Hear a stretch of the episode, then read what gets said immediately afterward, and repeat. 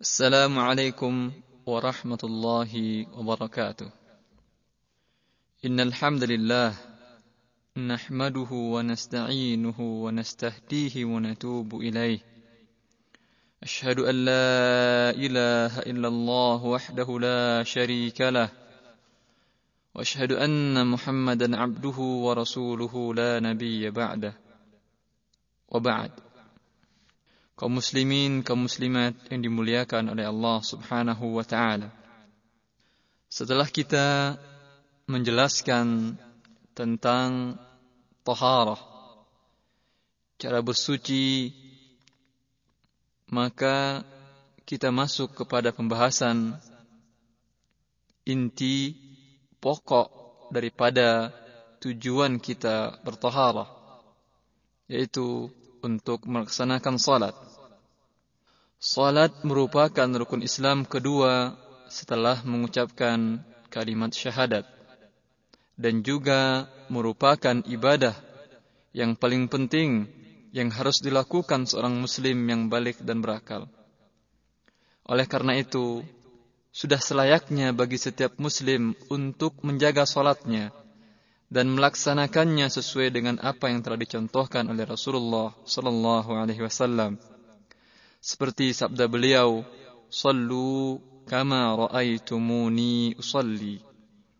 Salatlah kalian sebagaimana kalian melihat aku salat.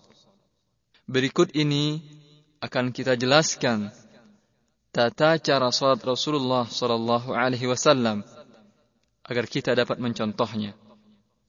Sebelum memulai salat, maka pastikan bahwa kita telah berwuduk bersih dari hadas baik besar maupun kecil. Kemudian setelah itu menghadaplah ke arah kiblat. Setelah menghadap ke kiblat, maka hadirkan niat dalam hati bahwa Anda melakukan salat dan niat sambil dijelaskan jenis salatnya. Umpamanya salat subuh atau salat zuhur atau salat asar dan seterusnya. Dan niatkan bahwa Anda melaksanakan salat ikhlas karena Allah Subhanahu wa taala semata. Niat tidak perlu dilafazkan. Jadi tidak perlu kita mengucapkan usolli, tapi cukup di dalam hati saja dihadirkan. Karena tidak dicontohkan dari Nabi Shallallahu Alaihi Wasallam, juga dari para sahabatnya dan para tabi'in tentang melafazkan atau mengucapkan niat. Berbarengan dengan menghadirkan niat, maka mulailah takbiratul ihram.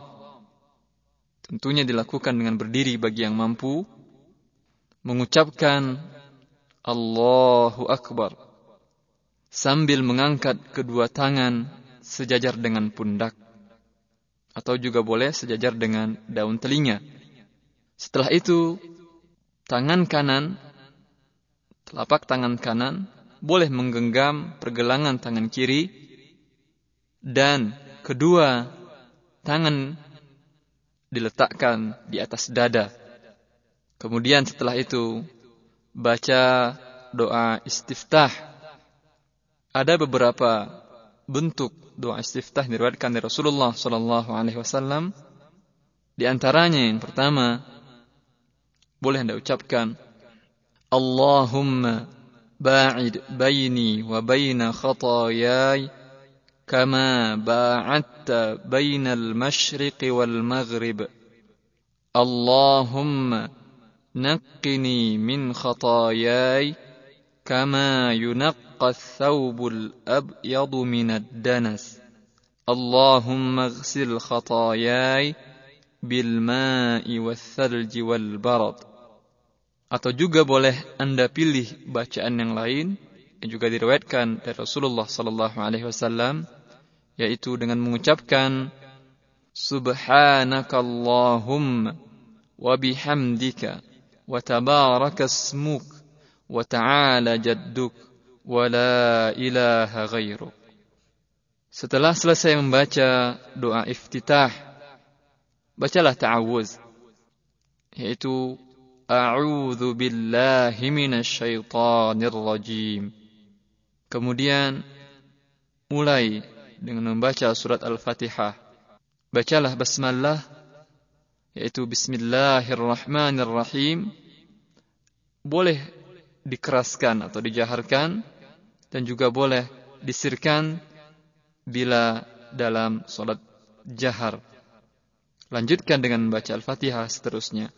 Bismillahirrahmanirrahim. Alhamdulillahi Rabbil Alamin. Ar-Rahmanir Rahim.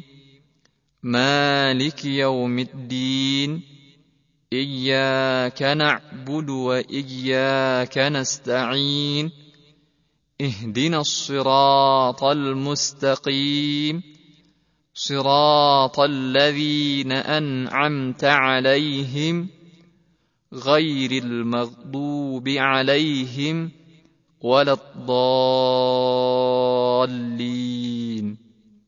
khusus bacaan basmalah dengan suara perlahan lebih banyak dilakukan oleh Rasulullah sallallahu alaihi wasallam di dalam salat jahar maksudnya dan inilah insyaallah pendapat yang lebih kuat. Setelah selesai membaca Al-Fatihah ucapkanlah amin dengan suara keras jika pada salat yang bacaannya dikeraskan dan dengan suara perlahan pada salat yang bacaannya perlahan. Setelah itu, dia beberapa saat sebelum membaca surat yang lainnya. Selesai membaca surat Al-Fatihah, maka bacalah surat yang lain yang Anda hafal. Pada salat subuh umpamanya, boleh Anda pilih surat yang panjang namun pada sholat maghrib, pilihlah bacaan surat-surat yang pendek. Dan pada salat-salat lainnya, pilihlah bacaan surat-surat yang sedang. Ini juga melihat kondisi atau keadaan kita di waktu sholat. Kalau umpamanya kita ditunjuk menjadi imam, maka janganlah terlalu memanjangkan bacaan kita. Karena sungguhnya di antara orang makmum yang ikut bersama kita, kemungkinan ada orang yang sakit atau orang yang lemah. Setelah selesai membaca surat, berdiamlah sebentar sebelum ruku'. Setelah itu, lakukanlah ruku' dengan membungkukkan punggung sebagai pengagungan kepada Allah Subhanahu wa taala. Ketika hendak ruku', Ucapkan takbir sambil mengangkat kedua tangan sebatas pundak, boleh, atau juga sejajar dengan daun telinga. Dan ketika ruku, disunnahkan meluruskan punggung rata dengan kepala. Sedangkan kedua tangan bertumpu di atas kedua lutut dengan jari-jari sedikit terbuka. Lalu bacalah seperti yang diriwayatkan oleh Rasulullah sallallahu alaihi wasallam, Subhana rabbiyal azim. Baca sebanyak tiga kali. Juga boleh dengan bacaan-bacaan yang lain yang diriwayatkan dari Rasulullah sallallahu alaihi wasallam seperti umpamanya Subhanakallahumma rabbana wa bihamdika Allahumma gfirli. Setelah itu, bangkitlah dari ruku' dan lakukan i'tidal dengan mengangkat kedua tangan sambil mengucapkan Sami'allahu liman hamidah. Khusus bagi makmum, bagi makmum bila Anda salat berjamaah maka tidak disunnahkan membaca bacaan tersebut anda boleh langsung membaca bacaan Rabbana walakal hamd. Setelah tangan turun, bacalah bacaan selanjutnya Rabbana walakal hamd. ملء السماوات وملء الأرض وملء ما شئت من شيء بعد Setelah itu kembali bertakbir untuk sujud. Sujud dilakukan harus dengan tujuh anggota badan. Maksudnya, tujuh anggota badan ini harus menyentuh permukaan tempat Anda sujud. Atau bisa lantai, bisa saja mungkin sajadah, dan lain-lainnya. Anggota yang tujuh ini, yaitu kening, hidung, dua telapak tangan, dua lutut, dan ujung jemari telapak kaki. Ini harus menempel ke tanah atau ke tempat sujud Anda. Ini penting diingat kaum muslimin, kaum muslimat yang dimuliakan oleh Allah Subhanahu wa taala. Bila mana salah satunya tidak sempurna, maka tidak sempurnalah sujud Anda. Dan ini sering dilalaikan oleh kaum muslimin dalam salat mereka. Padahal ini dianjurkan oleh Rasulullah sallallahu alaihi wasallam. Jadi kita ulangi. Yang pertama, kening, hidung, lalu dua telapak tangan, dua lutut, dan ujung jemari telapak kaki. Semuanya harus menyentuh permukaan tempat Anda sujud. Begitu. Dan kedua lengan dijarakkan dari badan. Ya, dari lambung Anda dijarakkan kedua lengan. Jadi tidak merapat ke tubuh.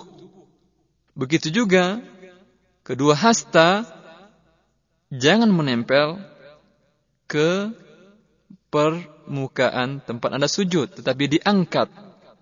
Ya, karena dikatakan oleh Rasulullah SAW, bila kedua hasta ketika sujud menempel ke tempat permukaan salat maka sama dengan seperti anjing yang sedang merebah di atas tanah. Dan ujung-ujung jari kaki ya, itu harus menghadap kiblat. Ini harus diperhatikan keadaan anggota tubuh di saat sujud. Adapun bacaan sujud yaitu di antaranya boleh mengucapkan Subhana rabbiyal a'la. Ucapkan sebanyak tiga kali. Atau juga boleh dengan bacaan yang lain. Yaitu Subhanakallahumma rabbana wa bihamdik Allahumma gfirli. Setelah itu duduk di antara dua sujud. Yaitu bangun dari sujud dengan mengangkat kepala. Seraya bertakbir mengucapkan Allahu Akbar tanpa mengangkat kedua tangan. Kemudian duduk dengan cara iftirash. Cara duduk iftirash yaitu duduk di atas telapak kaki kiri. Ya, akhir artinya pantat kita duduk di atas telapak kaki kiri. Sedangkan telapak kaki kanan itu ditegakkan atau ditancapkan berdiri. Adapun tangan, jari-jari tangan, maka dihamparkan di atas kedua paha. Lalu bacalah bacaan berikut. Di antaranya boleh Anda ucapkan seperti dikatakan Rasulullah sallallahu alaihi wasallam, Allahumma gfirli warhamni wajburni wahdini warzuqni atau jika boleh bacaan yang lebih singkat dengan cukup mengucapkan Rabbighfirli Rabbighfirli Setelah itu kembali sujud untuk yang kedua kalinya dengan cara yang sama seperti pada sujud pertama. Lalu bangunlah dari dari sujud untuk melanjutkan rakaat kedua sambil bertakbir tentunya. Ya, jadi diingat setiap perpindahan dari satu keadaan kepada keadaan lain disunahkan mengucapkan takbir kecuali dari bangun ruku' Setelah bangun pada rakaat kedua, langsung membaca surat Al-Fatihah tanpa berdiam sebentar sebagaimana pada rakaat pertama. Juga tanpa membaca ta'awudz. Karena hal tersebut cukup dilakukan pada rakaat pertama. Setelah itu ruku ya, sama seperti rakaat pertama. Lalu juga i'tidal sama seperti yang pertama. Sujud dan duduk di antara dua sujud sama juga seperti pada rakaat yang pertama. Setelah bangun dari sujud kedua pada rakaat kedua, maka lakukanlah tasyahud awal. Yaitu dengan duduk seperti saat duduk di antara dua sujud dengan cara iftirash seperti yang telah kita jelaskan sebelumnya. Sedangkan jemari tangan maka disunnahkan ya, jari manis dan kelingking dan kelingking digenggam. Jari telunjuk diangkat dan digerak-gerakkan ketika berdoa. Adapun ibu jari dihubungkan dengan jari tengah sehingga membentuk lingkaran. Sedangkan tangan kiri cukup diletakkan di atas ujung paha kiri dengan jari-jari terhampar lurus. Bacaan tasyahud awal ya, yaitu dengan mengucapkan seperti yang diriwayatkan oleh Imam Al-Bukhari At-tahiyatu lillah was-salawatu wat-tayyibat Assalamu alayka ayyuhan nabiy wa rahmatullahi wa barakatuh السلام علينا وعلى عباد الله الصالحين اشهد ان لا اله الا الله واشهد ان محمدا عبده ورسوله Setelah itu bangunlah dari tasyahud awal dengan mengucapkan takbir sambil mengangkat kedua tangan sejajar dengan pundak juga boleh sejajar dengan daun telinga. Kemudian baca surat Al-Fatihah dan tidak lagi membaca surat yang lainnya. Lakukanlah gerakan-gerakan selanjutnya seperti pada rakaat yang pertama khusus pada rakaat yang terakhir atau rakaat yang keempat ya, duduk dengan cara tawarruk yaitu telapak kaki yang kanan ditegakkan atau ditancapkan tentunya jemari kaki menghadap ke kiblat sedangkan telapak kaki kiri dikeluarkan dari bawah betis kaki kanan dengan menjadikan lantai tempat duduk atau tempat bertumpu atau tempat bertelekan. Adapun kedua tangan diletakkan di atas ujung paha dengan cara sebagaimana pada tasyahud awal. Dan bacaan tasyahud akhir sama dengan bacaan tasyahud awal hanya ditambah dengan bacaan berikut. Ya.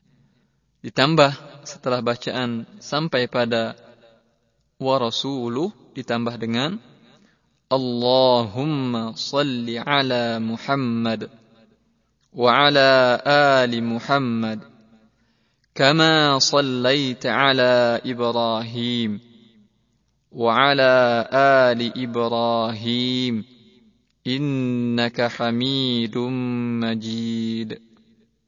اللهم بارك على محمد وعلى آل محمد كما باركت على إبراهيم وعلى آل إبراهيم إنك حميد مجيد. أعوذ بالله من عذاب جهنم ومن عذاب القبر ومن فتنة المحيا والممات ومن شر فتنة المسيح الدجال Setelah selesai bacaan ini, maka ucapkan salam Assalamualaikum warahmatullahi ke kanan sekali dan ke kiri sekali sambil menoleh ke kanan dan ke kiri sehingga terlihat putih pipi. Khusus pada waktu sujud, maka disunahkan, dianjurkan juga berdoa, memilih doa yang lain selain yang telah diriwayatkan di Rasulullah Sallallahu Alaihi Wasallam Memintalah kepada Allah Subhanahu wa taala di waktu Anda sujud. Baik kemaslahatan dunia terlebih lagi kemaslahatan akhirat. Karena sesungguhnya seorang hamba di saat dia sujud di hadapan Rabbnya, di saat itu dia begitu dekat dan sangat dekat dengan Rabbnya, maka dianjurkan Anda untuk meminta, merendahkan diri memohon mengemis kepada Allah Subhanahu wa taala. Juga pada tasyahud akhir setelah selesai bacaan yang kita jelaskan tadi, maka boleh ditambah dengan doa-doa yang lain baik untuk kemaslahatan dunia terlebih-lebih lagi untuk kemaslahatan akhirat. Setelah itu, berdiamlah beberapa saat untuk berzikir kepada Allah sebagaimana zikir-zikir yang diajarkan oleh Rasulullah sallallahu alaihi wasallam kepada kita. Dengan demikian selesailah kaifiat tata cara salat seperti yang dilakukan oleh Rasulullah sallallahu alaihi wasallam. Selain gerakan-gerakan ini yang paling penting untuk kita perhatikan di dalam salat kita adalah menjaga, memelihara dan berusaha untuk khusyuk betul-betul khusyuk dan tunduk di hadapan Allah Subhanahu wa taala di dalam salat di mana kita menghadirkan hati, menghadirkan jiwa memahami makna-makna daripada bacaan salat kita sehingga semoga kita termasuk orang-orang yang dikatakan oleh Allah Subhanahu wa taala. Qad aflahal mu'minun alladzina hum fi salatihim khashi'un. Sungguh beruntunglah orang-orang yang beriman yaitu orang-orang yang khusyuk di dalam salatnya. Semoga, semoga Allah Subhanahu wa taala menerima salat kita dan menjadikan kita orang-orang yang khusyuk di dalam salat. Aqulu qawli hadza wa astaghfirullah li wa lakum wa lisairil muslimin. Wassalamualaikum warahmatullahi wabarakatuh. Mudah-mudahan Allah Subhanahu wa taala memberikan kepahaman kepada Anda setelah mendengarkan silsilah studi Islam terpadu ini. Bagi Anda yang berminat memiliki album kaset studi Islam terpadu ini, dapat menghubungi kami di kantor kerjasama dakwah, bimbingan dan penyuluhan agama Islam bagi para pendatang di daerah Rabuah, Riyadh. PO Box 29465 Riyadh 11457. Telepon 445 4900 491 6065. Fax 497 0126. Rabwa Jalan Amir Mat'aib samping Bang Al-Rahji cabang Rabwa. Assalamualaikum warahmatullahi wabarakatuh. تم تسجيل هذه المادة في استديو المكتب التعاوني للدعوة وتوعية الجاليات بالربوة في مدينة الرياض